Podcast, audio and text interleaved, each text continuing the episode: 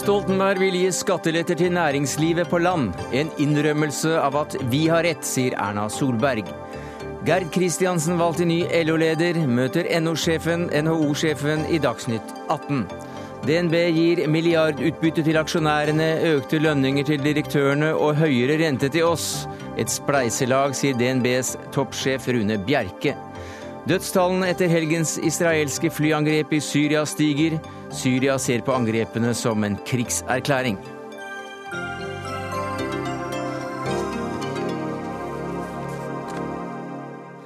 Ja, Det er noen av sakene i Dagsnytt 18 denne mandagen, der vi begynner med gårsdagen. Da det ganske overraskende midt i både LO-kongressen og Høyres landsmøte summet inn en SMS til journalister. God morgen, jeg har et viktig budskap om norsk økonomi i dag, osv., osv. Hilsen Jens. Og så var det også en skattelettepakke for deler av norsk næringsliv du la fram, og ikke en redningspakke for Tofte eller, eller euroen. Hva var det som sto i den? Så Det vi var opptatt av, var å være føre var. Det går godt i norsk økonomi. Det er eh, lav arbeidsløshet, det er god vekst, også i fastlandsøkonomien samlet. Og det er veldig høy sysselsetting.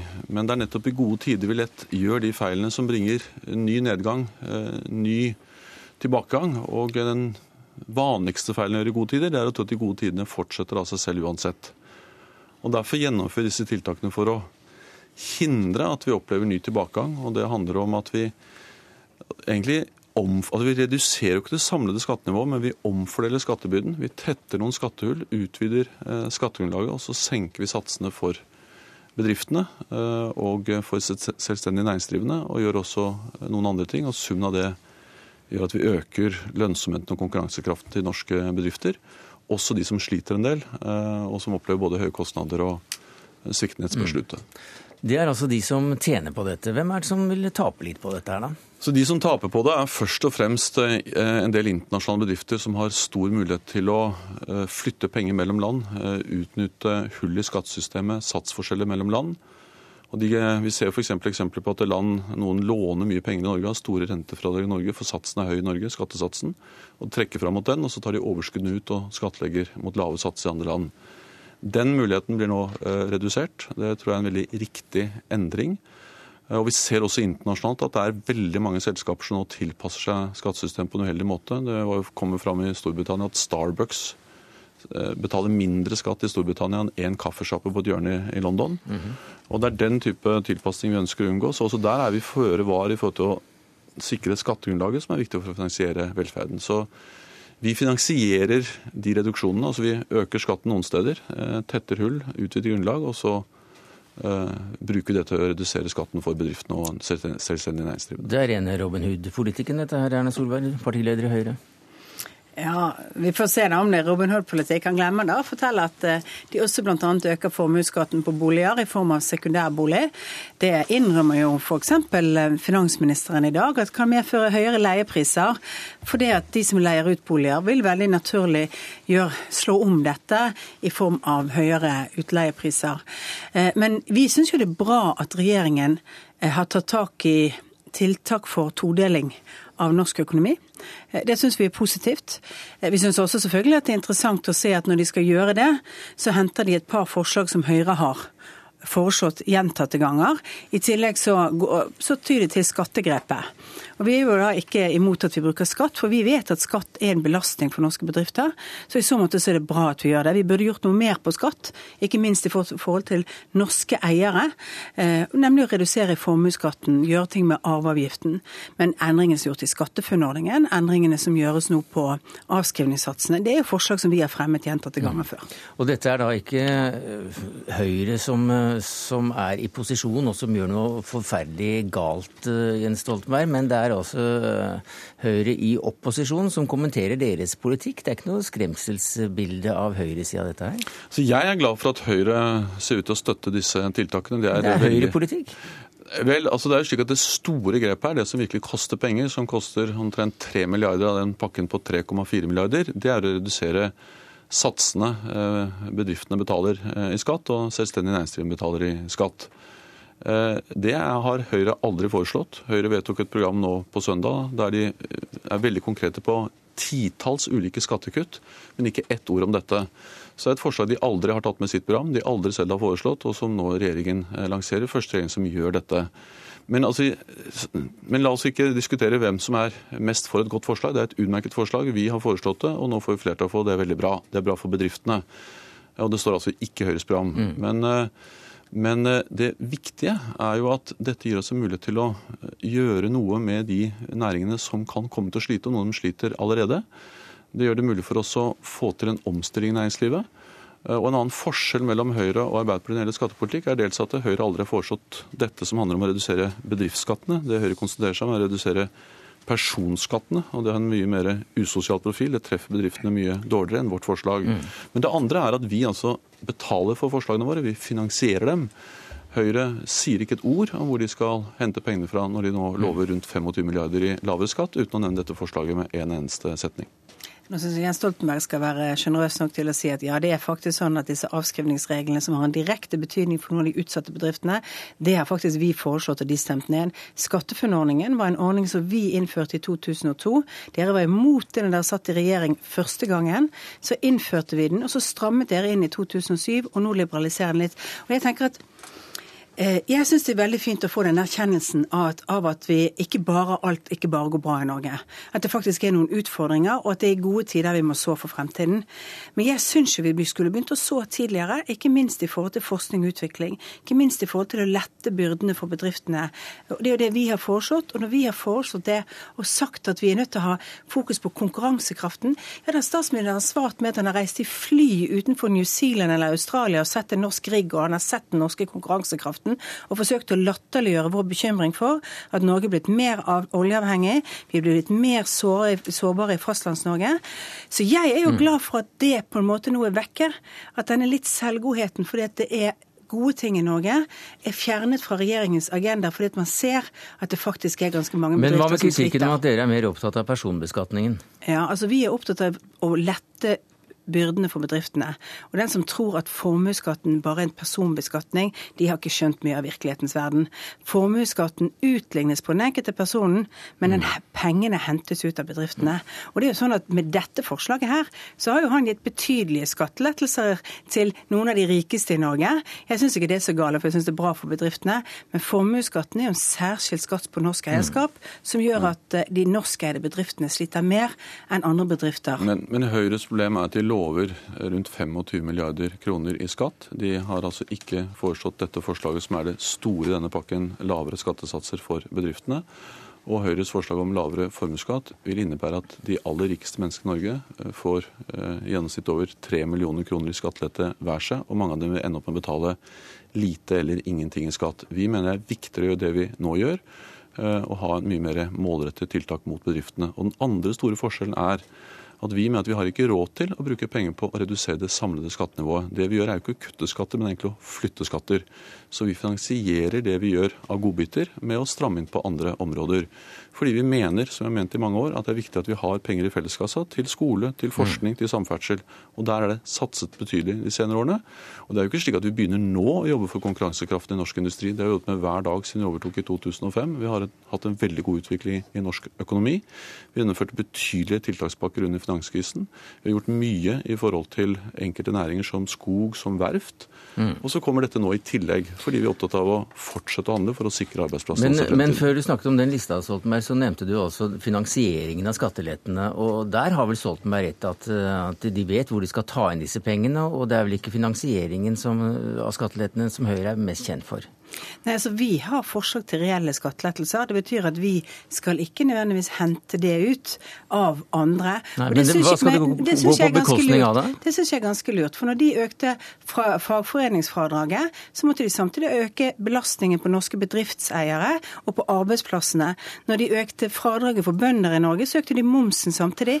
Jeg syns at det er den typen, den typen eh, låsinger som regjeringen har gjort, hvor de altså, hvis de finner ut at for noen bør vi nå gi en skattelette skattelettelse, for her er det en utfordring, så må de alltid hente inn pengene andre steder. Er det et godt svar på hvor finansieringen kommer Jeg mener at det er ganske viktig at vi politikere tenker at eh, vi har veldig eh, krevende valg vi står overfor. Vi kommer til å måtte bruke veldig mye penger på helse og omsorg i årene som kommer. Eh, vi kommer til å måtte trappe opp betydelig på samferdsel. Vi er sammen om en plan for 508 milliarder kroner mer til vei og bane i årene som kommer. Og da må vi være forsiktige med å love penger vi ikke har. Og når Høyre lover eh, altså rundt 25 milliarder kroner i årlig redusert skattenivå, og sier at de skal samarbeide med Fremskrittspartiet som lover 100 milliarder i årlig redusert skattenivå, så vil det måtte gå på bekostning av noe annet. Og Vi mm. mener altså at det er mye viktigere med penger til vei, til bane, til skole, til forskning, til helse, enn disse massive skattekuttene. Mm. Men vi skal fortsette å lage systemet mer rettferdig, og der skal vi fortsette å omfordele. Mm. Det kommer vi til å gjøre også i årene som kommer. Men det vi gjør, er jo da å si at når vi, når vi, senker skattene for norske arbeidsplasser, når vi gjør det mer lønnsomt for folk å gå fra å være på trygd til å være i arbeid, ja da bidrar vi faktisk til veksten også i norsk økonomi.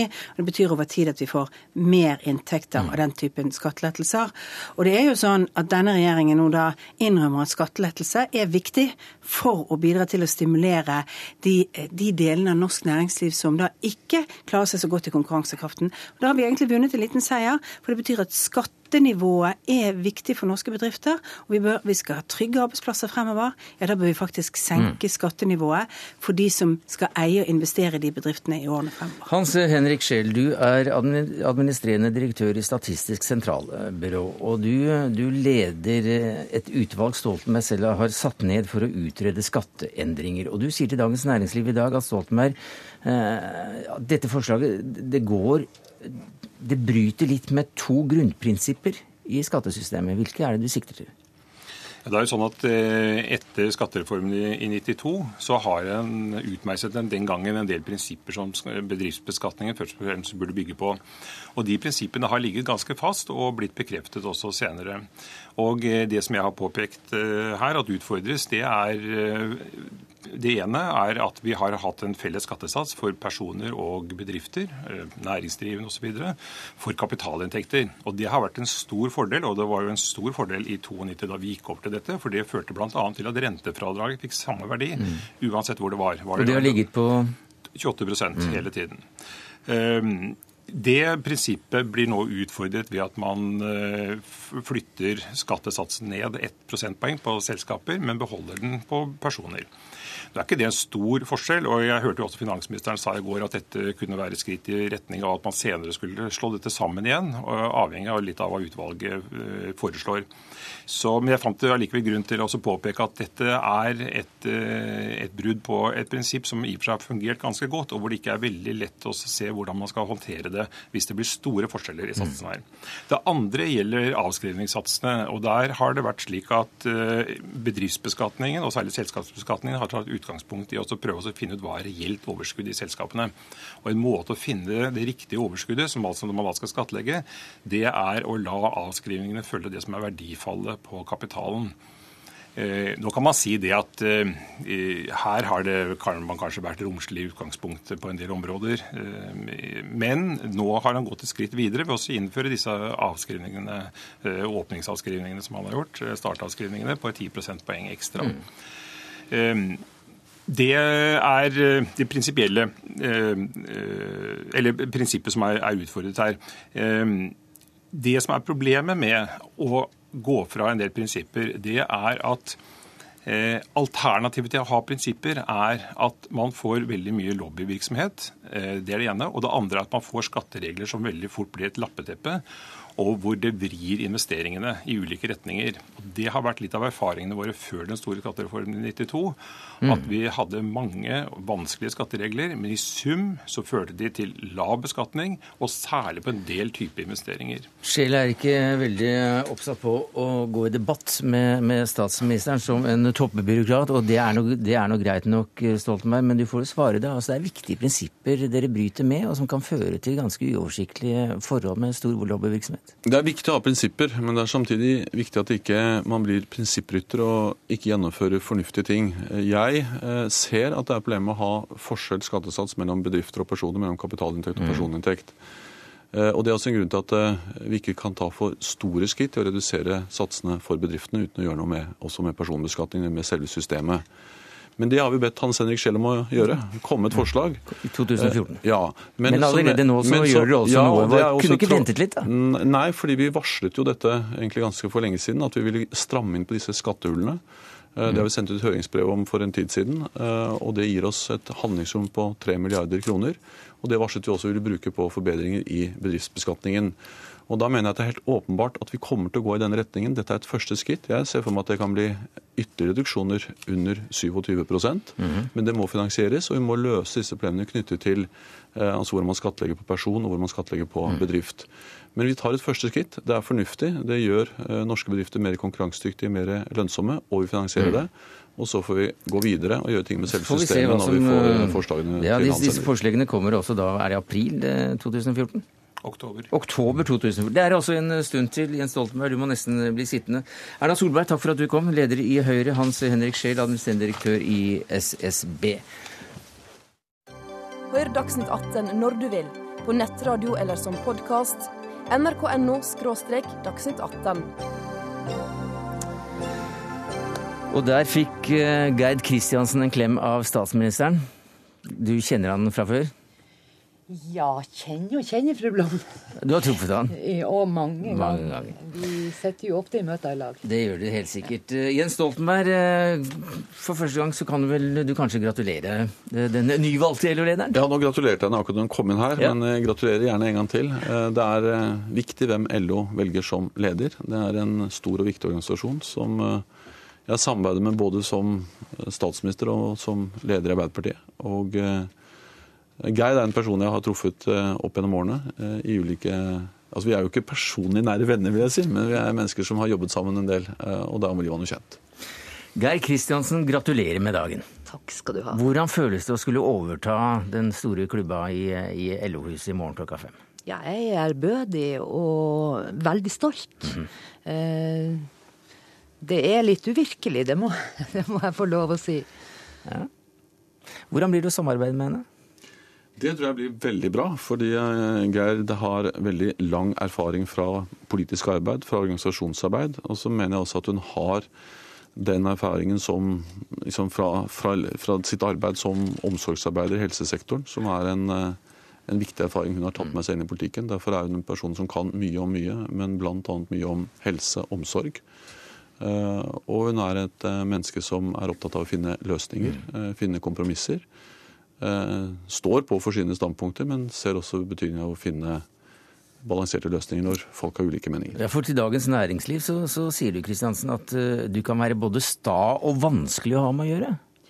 Ja, mange oppfatter meg som vanskelig å ha med å gjøre når jeg er sta, men det handler jo om at jeg veldig ofte står på mine meninger. Ja. Hvis det er ting jeg mener er rett, så jobber jeg for å få det til. Og uh, jeg tror ikke det er noe dårlig egenskap i dette gamet. Kristin Skogen Lund, det er hyggelig at du kommer her som administrerende direktør i Næringslivets hovedorganisasjon. Nå har du også da, ja, fra i morgen da, fått en, en, en kvinne som, som partner, som kollega eller som motpart i LO. Hva sier du til det? Nei, Jeg har jo lyst til å begynne med å gratulere så mye. Eh, vi kjenner hverandre ikke så veldig godt ennå, men jeg ser frem til å bli bedre kjent. Og har jo stor tiltro til at vi skal finne tonen og få til et eh, godt samarbeid til glede for hele det norske arbeidslivet. Det, det er vi alle avhengig av at vi får til, og det er jeg helt sikker på vi skal klare. Jens Stoltenberg, hvor viktig er personene? Det er viktig, for det er klart at personene står fram som ledere. Det er de som skal inspirere alle som er rundt seg. Og det er til slutt lederne som har et veldig stort ansvar for å ta beslutninger. Når det er vanskelig og man får motstridende råd, så sitter jeg som leder, og det kommer Geir til å gjøre, og måtte velge mellom eh, råd som går i ulike retninger, og ta en beslutning. Men når det gjelder med å være sta, eh, så, så, tror jeg det er helt riktig, for jeg har sett deg være ganske sta noen ganger. Men det, jeg hadde gleden av å samarbeide med, som partileder med Yngve Haagensen, eh, som var på LO da jeg starta, med Geir Liv Alla og Roar Flåten. Og de er tre veldig sterke personligheter. De er tre veldig flotte mennesker. Men de har alle den egenskapen at de kan være eh, sta. Men de har også da styrke til å noen ganger si nok er nok, sånn må det være, og så gå for det kompromisset. Og det er jeg sikker på at uh, Geir Kristiansen også har. Altså, du gikk jo turer med Valla, veldig kjent. Jeg vet ikke om Flåten var like glad i den turen rundt eh, Sognsvann. Uh, men er dette en tradisjon som kan, uh, som kan følges opp? Altså, jeg liker veldig godt å ha møter gående. I stedet for å sitte inne, så syns jeg det er en fin måte å gå f.eks. rundt Sognsvann eller i de traktene der og prate. Så hvis Geir er klar for det, så er jeg klar for den måten han møter på. Men det, det, det viktigste er at vi får snakket sammen, eh, og at det er en måte å eh, løse store og små problemer. Er du en vandrer? Nei. Nei, jeg er ikke det. Eh, ja, kanskje, kanskje gå tur kan noen få meg med på, men, men, men sånn, sånn uh, trim og sånne greier, det, det, har jeg ikke den helt store sansen for. Kristin Skogen Lund, hva blir den viktigste egenskapen for en LO-sjef å ta med seg inn i forhandlinger når dere skal i gang? Ja, det jeg tenker Nå kommer jo Geir Kristiansen fra offentlig sektor, og eh, vi eh, er jo opptatt av eh, at man da som LO-leder har tilstrekkelig fokus på den private sektoren og næringslivet, og en forståelse for hva som er viktig for at vi skal kunne lykkes. Så det er vel sånn sett kanskje den største oppfordringen jeg har, mm. er at det fokuset blir sterkt nok til stede, da. Så du hadde egentlig ønsket deg motkandidaten her? Nei, det var ikke det jeg sa. Jeg bare sa at det er veldig viktig å, at det er veldig viktig å ha det fokuset. Så det er liksom min største oppfordring på en dag som denne. Men jeg startet jo med å si at jeg er helt sikker på at dette skal vi finne godt ut av. Han som var motkandidaten min, er den nærmeste medarbeideren jeg har, og jeg syns det står veldig stor respekt av det Tor Arne Solbakken gjorde, der han satte organisasjonen framfor sin egen person da han valgte å gå inn eh, og være min nestleder, mm. selv om vi har stått og vært motkandidater. Det, det og, og, jeg tror vi kommer til å bli et radarteam, så jeg tror ikke Kristin Skungel Lund trenger å være redd for at ikke vi skal hele teamet vårt skal være i stand til å ivareta eh, også privat sektor. Hva tror du om typene du sitter ved siden av her, Jens Stoltenberg? Jeg har veldig stor respekt for begge to. Ja. Jeg tror at Noe av det som er veldig fint i Norge, er at vi evner å ha samarbeid mellom ansvarlige organisasjoner på begge sider eh, i arbeidslivet. Men det er jo uansett ledere? Jo, men Lederne er viktige for det. og Jeg opplever at uh, både Geir Kristiansen og Kristin Skogen Lund er to typer som er opptatt av å få ting gjort, er opptatt av resultater, men har også evne til å samarbeide og finne løsninger. Og det, det skal vi alle andre være veldig glad for. For i en del andre land så er det mye dårligere samarbeidsklima, mye dårligere kultur for å eh, snakke sammen, finne omforente løsninger. Og, eh, og, det er de to mm. personene er representanter for den kulturen som vi får til bedre i Norge enn de fleste andre land. Og vi har altså da uh, en utrolig stor makt samlet akkurat i Dagsnytt 18 i dag. Men den som kanskje har størst makt, Jens Stoltenberg, må forlate lokalet. For vi har lovt å slippe deg av, av, gårde. Men takk for at du, du møtte opp. Til, til, avisene så sier du at din jobb nummer én, det blir i hvert fall å skaffe flere medlemmer. Ja, det er jo en av de viktigste Altså, krafta til LO, makta til LO, den ligger jo ikke hos meg. Den ligger jo i det medlemsgrunnlaget som vi har. Eh, så vi, vi, må hele tida jobbe for uh, å skaffe nye medlemmer. Og jeg er kjempeopptatt av det organiserte arbeidslivet, og at vi skal klare å opprettholde og styrke organisasjonsgraden i arbeidslivet. Eh, det er jo en av grunnsteinene i det vi liker å reise ut og skryte av, nemlig den norske modellen. Eh, og, og hvis vi lar organisasjonsgraden i arbeidslivet gå ned, det er 48% uorganisert i arbeidslivet. Og jeg tror ikke vi har tatt nok inn over oss, verken vi eller arbeidsgiversida, hvor viktig det er uh, å ha et organisert mm. arbeidsliv. Jobb nummer to blir sosial dumping. Ja, nå er, det noe nå er det noe, Kongressen som i morgen skal vedta det handlingsprogrammet som er min marsjordre. Jo, men som du da har sagt i avisen at du syns er jobb nummer to?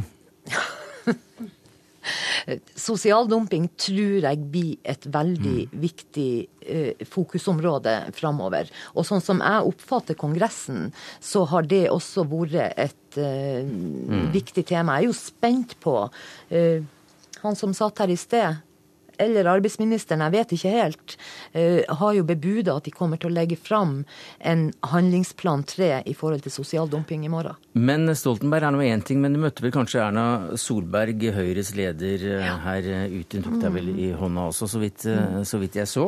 Og LO mener jo da at den største utfordringen med hensyn til sosial dumping er en borgerlig regjering?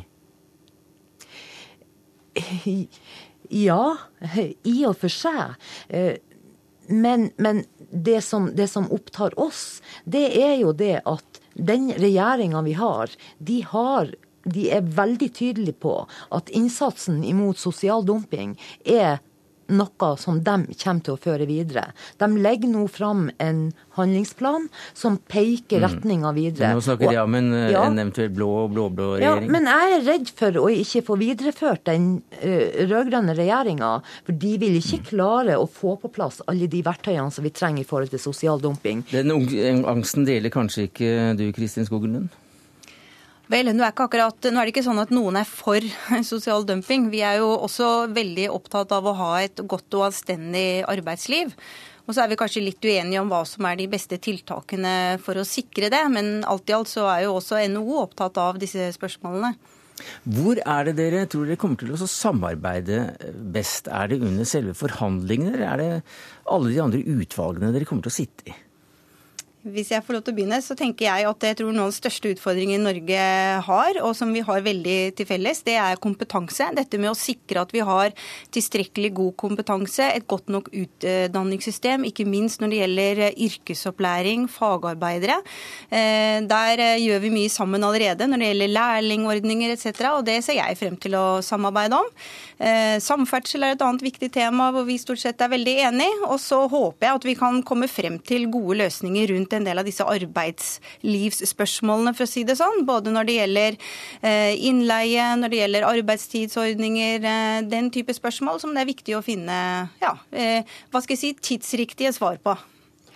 Og når du snakker om å sikre kompetanse, så tenker jeg at en av de viktige måtene å sikre kompetanse på, det er også å arbeide for at damer får hele stilling i arbeidslivet.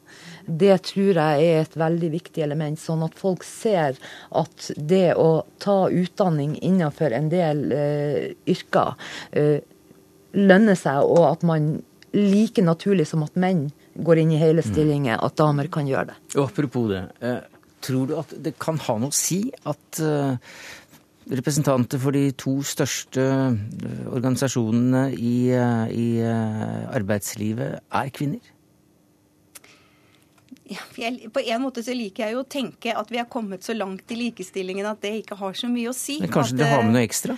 Men eh, jeg tenker det er jo litt moro, om ikke annet. At det, og litt tilfeldig, men litt moro at det er to damer. Men jeg liker jo helst å mene at ikke det skal ha betydning, jeg, da. Jeg tror jo jeg tror at det er viktig. Eh, Jeg tror at det er viktig, Kristin, at, at jenter kan se på oss som roll- rollemodeller. eh, Og at vi kan vise jenter at de kan nå så langt som de vil. Eh, Jeg, tenk, jeg tenker sånn. Ja. Ja. Og så har vi da i tillegg YS-lederen, som også er kvinne. Jorunn Berland. Men i dag så er det din dag. Gratulerer med dagen eh, nok en gang, Gerd Kristiansen. Og takk skal du ha for at eh, du møtte opp i Dagsnytt 18, Kristin Skogen Lund. Det er da selvfølgelig noen som eh, Ja. Fikk vi et lite skilletegn som, eh, som strengt tatt ikke er nødvendig, fordi spørsmålet her blir jo da, eh, Magnus Takvam, eh, hvordan skal, hvordan skal dette gå? Uh, Geir Kristiansen greier nok den jobben, det er jeg overbevist om. Men det er klart hun eh, vil nok trenge en innkjøringsperiode for det å innta denne posisjonen, den mektigste organisasjonen i Norge. Å gå på den, eh, og på den plattformen er en kjempeutfordring. Og hvorfor jeg stilte spørsmålet var egentlig fordi det, det var jo noe som skjedde på denne LO-kongressen som, som vel ikke har skjedd eh, i vår levetid før. Iallfall det var faktisk to kandidater nesten helt, helt til slutt her. Eh, og, og dermed så er det jo kanskje et splittet LO som, eh, som nå står igjen? Det kunne ha blitt det, men eh, den løsningen som etter hvert eh, kom, eh, var nødvendig for å unngå splittelsen. For det som faktisk skjedde, var jo, som vi har vært inne på eh, i løpet av dagen i dag, at Fagforbundet bestemte seg for å kreve å få LO-lederen, koste hva det koste ville. Fikk de ikke den posisjonen, så ville de heller ikke ha noen annen posisjon i LOs toppledelse. Så det er klart at utsiktene til at eh, Norges, eller LOs største fagforbund, forbund med 330 000 medlemmer, ikke var representert i toppledelsen, ville framstå som en de facto splittelse av LO, og det gjorde at de andre måtte bøye av. Så 500 000 medlemmer måtte bøye av for 300? Eh, ja, det er klart. Og Jan Davidsen som, eh, som leder for Fagforbundet? Ja, fordi slik Fellesforbundet f.eks., som er den andre store aktøren på, i privat sektor, formulerte det, så, så, mener jo selvfølgelig de at et splittet LO eh, er en svakhet også for dem. Det vil, det vil gjøre at LO i, samlet sett vil miste styrke, og, og dermed så, så, bøyde de av, og fikk da tross alt igjen en del andre posisjoner. Maktgrep? Ja, det er rå makt. og... Og no, noen liker det? Noen syns det er tøft å liksom ha folk som, som, tør å bruke makt og stå for det, mens andre nok følger avstand til det. Og det, var, det er folk jeg har snakket med som, som ikke likte den prosessen, og som er redd for at en del yngre folk, en del folk med høyere utdanning osv. vil føle litt avstand til den organisasjonskulturen og bli vanskelig å rekruttere. Men når de først har gjort dette, så tror jeg alle i LO-familien er innstilt på å, å liksom samle seg bak den nye LO-lederen. Kristine Nergård, forsker eh, ved Fafo. Du har jobbet mye med organisering av fagbevegelsen, og du har fulgt LO tett gjennom mange år. Hva slags LO-leder blir Kristiansen, tror du? Det gjenstår jo å se, men eh, jeg tror nok at vi kommer til å se kontinuitet. Altså, nå er jeg jo ikke helt ny, hun har sittet som nestleder i fire år. Og hun får også med seg Tor Arne Solbakken, som har også vært sammen med henne som nestleder nå de forrige periode. Så jeg tror vi ser en LO-ledelse som kommer til å vise kontinuitet. Både i satsinga på sosial dumping, som hun nevnte, når det gjelder lønnspolitikken. Og så ser vi kanskje at noen saker blir flagga ekstra høyt. Kampen mot ufrivillig deltid var jo en som allerede ble tatt opp nå. Mm. Hun var eh, raskt frampå for å markere faktisk flaggesakene sine også, i samtalen med NHOs eh, eller eh, toppsjef. Og hun har også uttalt at hun er sta.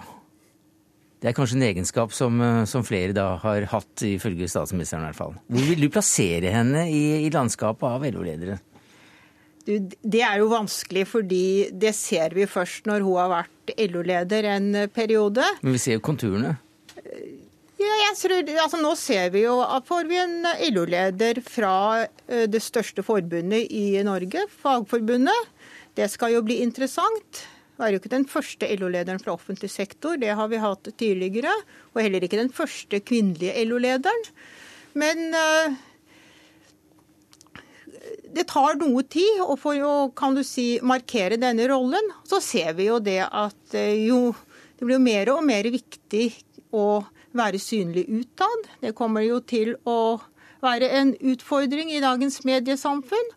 Og så skal du bygge enhet innad. LO har 22 medlemmer. Det er de 22 medlemsforbundene i LO. Og en veldig viktig oppgave for en LO-leder er jo å få disse til å trekke sammen og kunne omsette LOs samlede tyngde og makt i politisk mm. påvirkning. Men det var også et av medlemmene som da fikk til slutt lederen, da, og etter den maktkampen som du har beskrevet, Takvam. Men hva måtte de selv da gi? Hva måtte, hva måtte, forbundet selv da gi fra seg? Hva måtte Jan Davidsen si at ja vel, vi må gi opp fra oss en del hvis vi bare får lederen? Ja, for det første så var det en del av posisjonene som eh, de andre som da ikke fikk lederen, eh, fikk i den nye toppledelsen. Bl.a. har Fellesforbundet fått to eh, medlemmer. De mindre forbundene, representert ved Musikernes Fellesorganisasjon, som også er blant de høyest utdannede, blant de langtidsutdannede, krevde at de små forbundene, som er veldig redd for den makten som fagforbund Fagforbundet og Fellesforbundet i fellesskap utgjør, at de også måtte bli representert. Og så kom det påstander om at uh, Fagforbundet så å si hadde solgt sjela si for å få toppledelsen i, i LO, bl.a. Fra, fra, fra miljøer i NTL, som er Solbakkens forbund. Og Det fikk jo da Jan Davidsen til å gå harmdirrende på talerstolen og avvise kategorisk den typen påstander om at de ble mykere i spørsmål som Lofoten, EØS, mhm. for å få lederen. Eh, så jeg tror at det, det var ikke en så, eh, så, banal avtale som det, det, det kan eh, virke som, men jeg tror at hadde det vært konflikt om lederskapet, så ville nok kanskje ikke Fagforbundet vært så pragmatiske i de politiske vedtakene. Så sammensetningen av LOs toppledelse nå, den, den er virkelig ganske sammensatt? Hun har ikke bare ja-mennesker fra egne grupper rundt seg? Nei, men jeg tror eh, Det har hun ikke. Men eh, Geir Kristiansen Eh, er en leder som er inkluderende, mer enn kanskje mange andre LO-ledere ville være. Nemlig da å gi eh, f.eks. de to nestlederne stort handlingsrom og mm. viktige oppgaver. F.eks. innenfor tariffpolitikk, pensjon, reformarbeid osv. Så, videre. så jeg tror eh, hun vil vise seg å være en som, som lar de andre også slippe til. Og hun trenger jo deres kompetanse og, og erfaring. Mm. Nå er altså administrerende direktøren i Næringslivets hovedorganisasjon og LO-lederen begge kvinner. Og det er vel første gang har skjedd? Ja, akkurat de to posisjonene. Ja. Men nå er det jo har mange det kvinner si, på topp. Jeg tror kanskje det kan ha noe, i hvert fall noe symbolsk. Mm. Altså det er, eh, vi ser at nå inntar kvinner de fleste posisjoner i ø, organisasjonslivet. Det er jo mange flere kvinner i organisasjonslivet enn på topp i bedriftene. Eh, men når det gjelder hvilken politikk disse organisasjonene skal ta, så er det jo Altså det er jo demokratiske organisasjoner, det er mange som skal påvirke. Så det er jo ikke sånn at den som sitter på topp, bestemmer alt. Det som eh, LO selv eh, innser, eller eh, som, som, de ikke fikk til med denne kabalen, det er rett og slett å få ungdom eller yngre folk med i ledelsen. Så, så de Felix, eh, lederen i valgkomiteen, beklaget. Han hadde prøvd å få folk i 30-40-årsalderen med, men hadde som han sa, rett og slett ikke greid det. Og det er klart at eh, Den generasjonen vi ser tross alt sitte på toppen her, kan framstå som nokså traust og, og, gammelmodig. Så de trenger ungdommer inn, tror jeg, for å, for å, i hvert fall i neste omgang i 2017, for å kunne rekruttere bredere.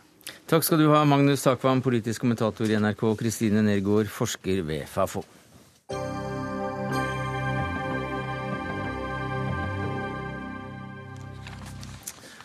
Konsernsjef i DNB, Rune Bjerke. Er det, er det, viktig hvem som besitter sjefsstolen i LO for, en, for, Norges største bank?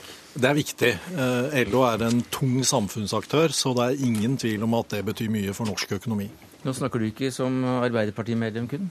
Nei, jeg snakker som sjef i Norges ledende bank. I februar eh, la altså DNB frem et solid regnskap med, med, svært eh, høye renteinntekter. Ikke lenge etterpå satte du opp renta slik at boliglånene bl.a. ble dyrere. Og På mandag vil trolig Norges Bank kutte styringsrenta fra 1,5 til 1,25. Hva gjør dere da? Blir det et nytt prishopp? Det kommer ikke til å bli et nytt prishopp hvis Norges Bank setter ned renten. Høyst sannsynlig så vil det bidra til å svekke sannsynligheten for at rentene skal ytterligere opp. Men først så må vi jo se hva Norges Bank gjør. Jeg tror eh, det er helt åpent hva som skjer på rentemøtet nå om to dager.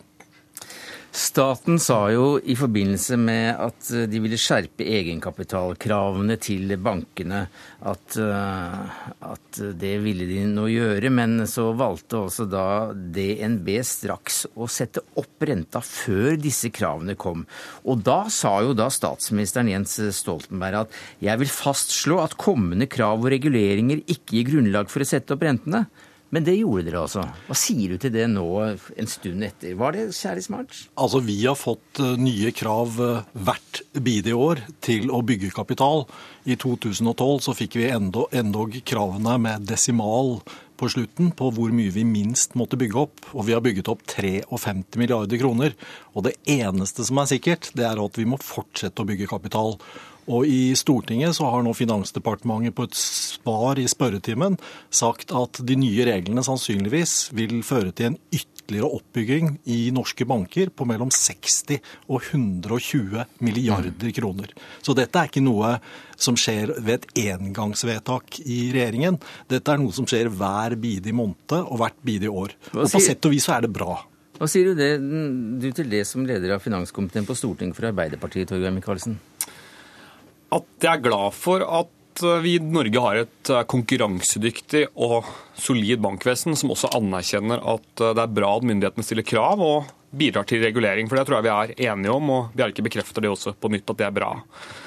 Men så er ikke jeg enig i at de kravene som vi nå kjenner, der DNB som den største banken valgte å sette opp renta, som du helt riktig påpeker, før de visste hva som kom av de nye kravene. Nå kjenner vi de nye kravene. Eh, og fra 1.7 så oppfyller så å si alle bankene det som regjeringen har foreslått som minstekrav. Eh, og i åra som kommer så vil dette bli en forsiktig, forutsigbar innfasing på nytt av ny egenkapital. Hvorfor mener jeg det? Jo, for bare i fjor, med langt dårligere rentemargin enn de har nå, så økte f.eks.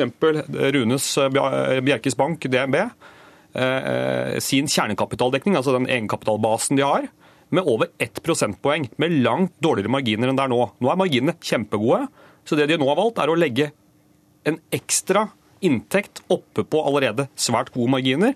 Og Det mener jeg var unødvendig. Det var å være for rask på labben. Eh, og jeg tror at, eh, at i etterklokskapen så tror jeg kanskje at det var rett og slett litt for raske på, på, ja, på labben. Altså det er, det er, helt feil. Og det at vi økte kjernekapitalen så mye i fjor, det skyldes jo mange andre faktorer enn renteinntektene. Og mye av det vi gjorde i fjor, det kan vi ikke gjøre mer enn én gang. Så det som er helt sikkert, er at for å bygge opp disse ytterligere 60-120 milliardene kronene, som regjeringen selv sier at norske banker må bygge opp, så er man nødt til å ha en lønnsomhet som er tilstrekkelig for å klare det.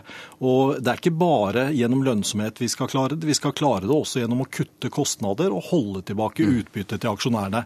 Sånn at det å, det å liksom tro at dette er en lett jobb, det er å se på virkeligheten fra et ganske annet ståsted enn de som jobber i bank faktisk gjør.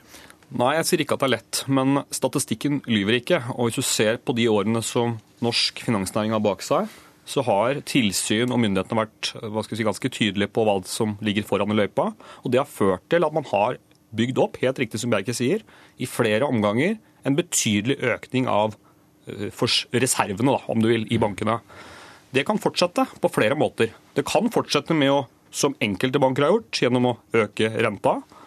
Det kan fortsette gjennom å Det er jo 90 som har økt renta. Ja, men Det er ikke så rart i det, Bjerke, når, når, dere som den største banken eh, i markedet går foran, til og med før kravene ble kjent, så skjønner jeg at andre også føler snitt til, til, å følge etter. Men det er også aktører som ikke har gjort det. Så kan man effektivisere, det er bra at dere er i gang med.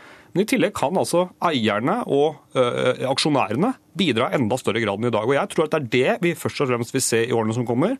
At både staten og andre aksjonærer er nødt til å forholde seg til at man må tilbakeholde utbytte. Og for noen banker vil det også være snakk om å emittere, altså få inn ny kapital. Mm. Det hadde vært et reelt spleiselag. Altså, vi har emittert. Vi har hentet 14 milliarder kroner hos aksjonærene våre.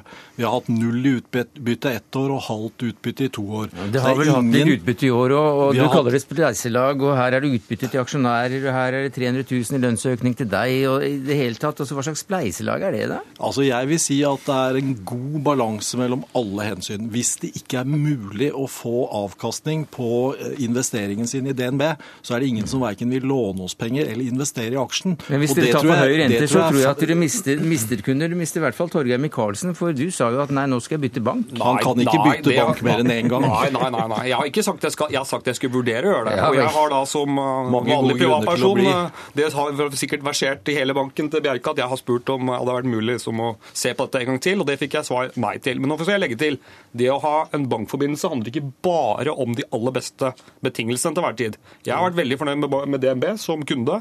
Bra rådgivning, eh, bra teknologiske løsninger.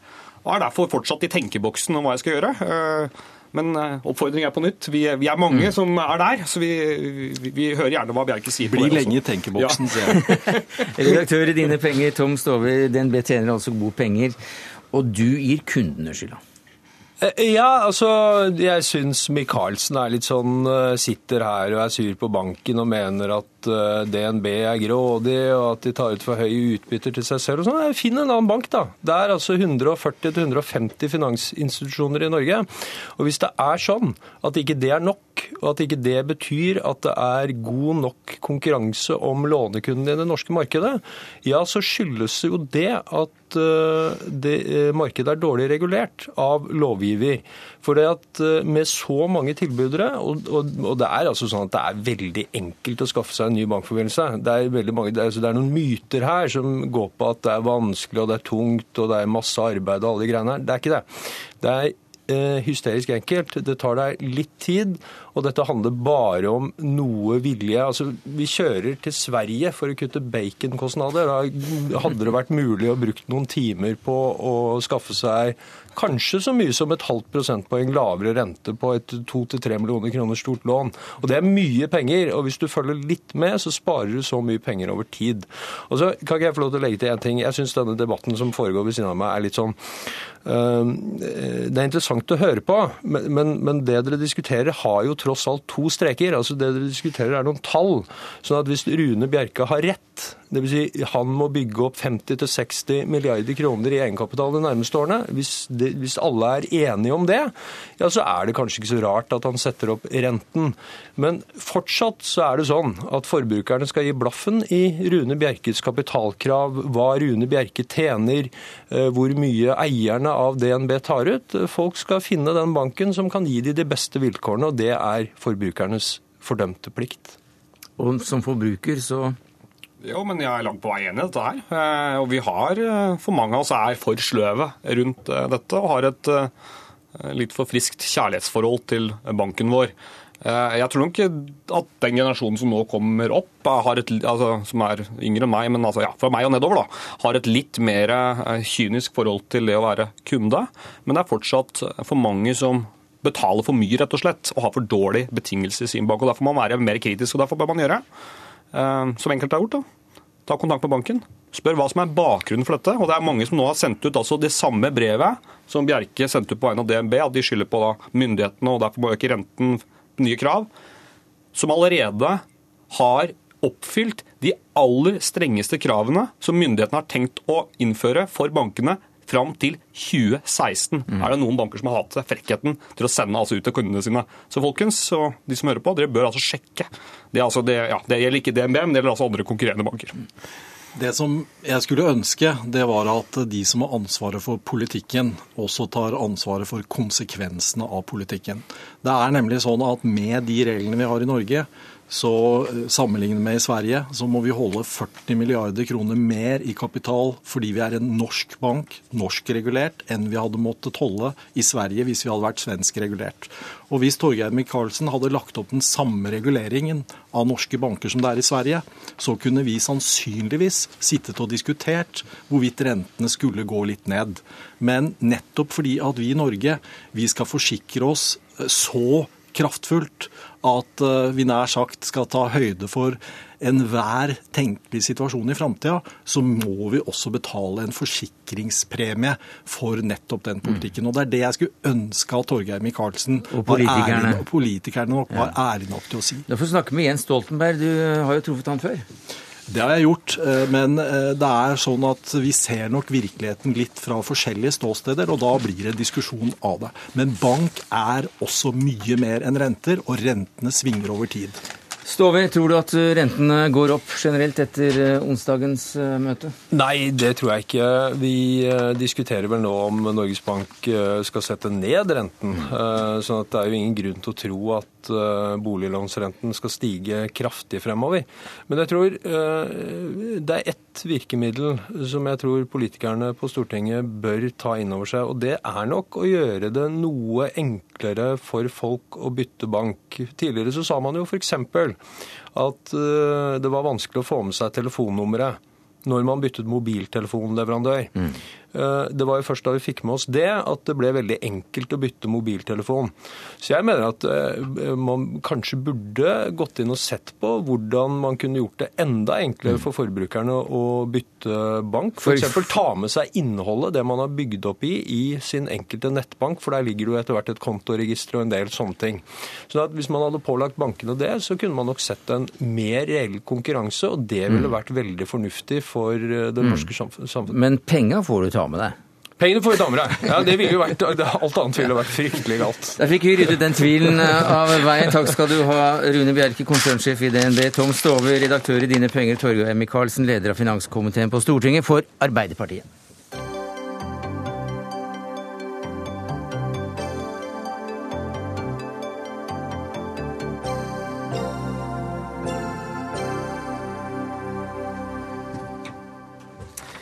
Israel har i løpet av helgen angrepet Syria fra luften, og det har syriske myndigheter kalt en krigserklæring. Sigurd Falkenberg Mikkelsen, NRKs eh, mann i, eh, i eh, området. Hva vet du om angrepene nå et døgn etter det siste? Det siste som har kommet ut nå fra syriske Eh, organisasjoner som overvåker konflikten her, er at 42 eh, soldater, syriske soldater ble drept i eh, det israelske angrepet i Damaskus i går, i forgårs.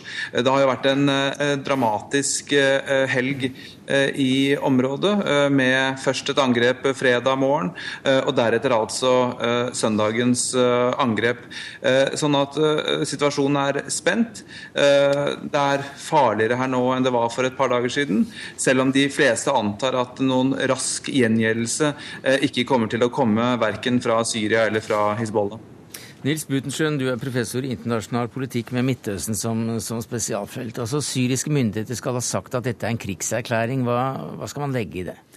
Det, de kunne nesten ikke si noe annet. Når, når, eh, Israel bomber like ved hovedstaden din, så eh, kunne de vel kanskje ikke si noe annet.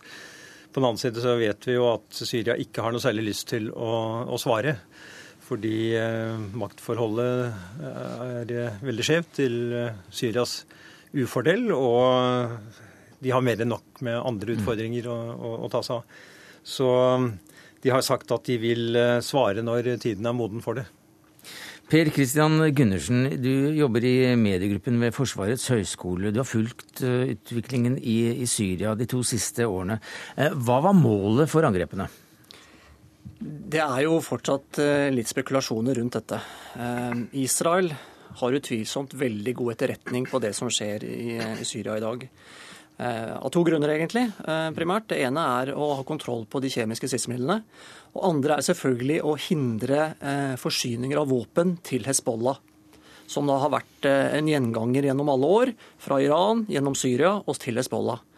Så, det er det vi på en måte ser nå i dag. At det begynte egentlig i januar. Et angrep som var også en demonstrasjon på vilje og evne til at vi kan ta ut de mulighetene dere har for å forsyne, altså forsyningslinjen til Hezbollah.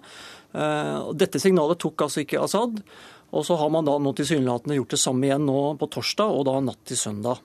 Men er det store våpenlagre, eller er det eh, Det som blir sagt, eh, er jo det at det angrepet på torsdag var mot et våpenlager på den internasjonale flyplassen som ligger utenfor Damaskus, som da skulle da ha missiler altså Fata-missiler eh, fra Iran, som har en rekkevidde på rundt 20-30 mil, altså 200-300 km. Eh, og Man ønsker jo ikke den videre oppbyggen som Hezbollah har begynte på selvfølgelig i 2006, etter krigen der. Så har du det angrepet da eh, natt til søndag mot Jamaya og videre langs denne veiaksen mot Libanon.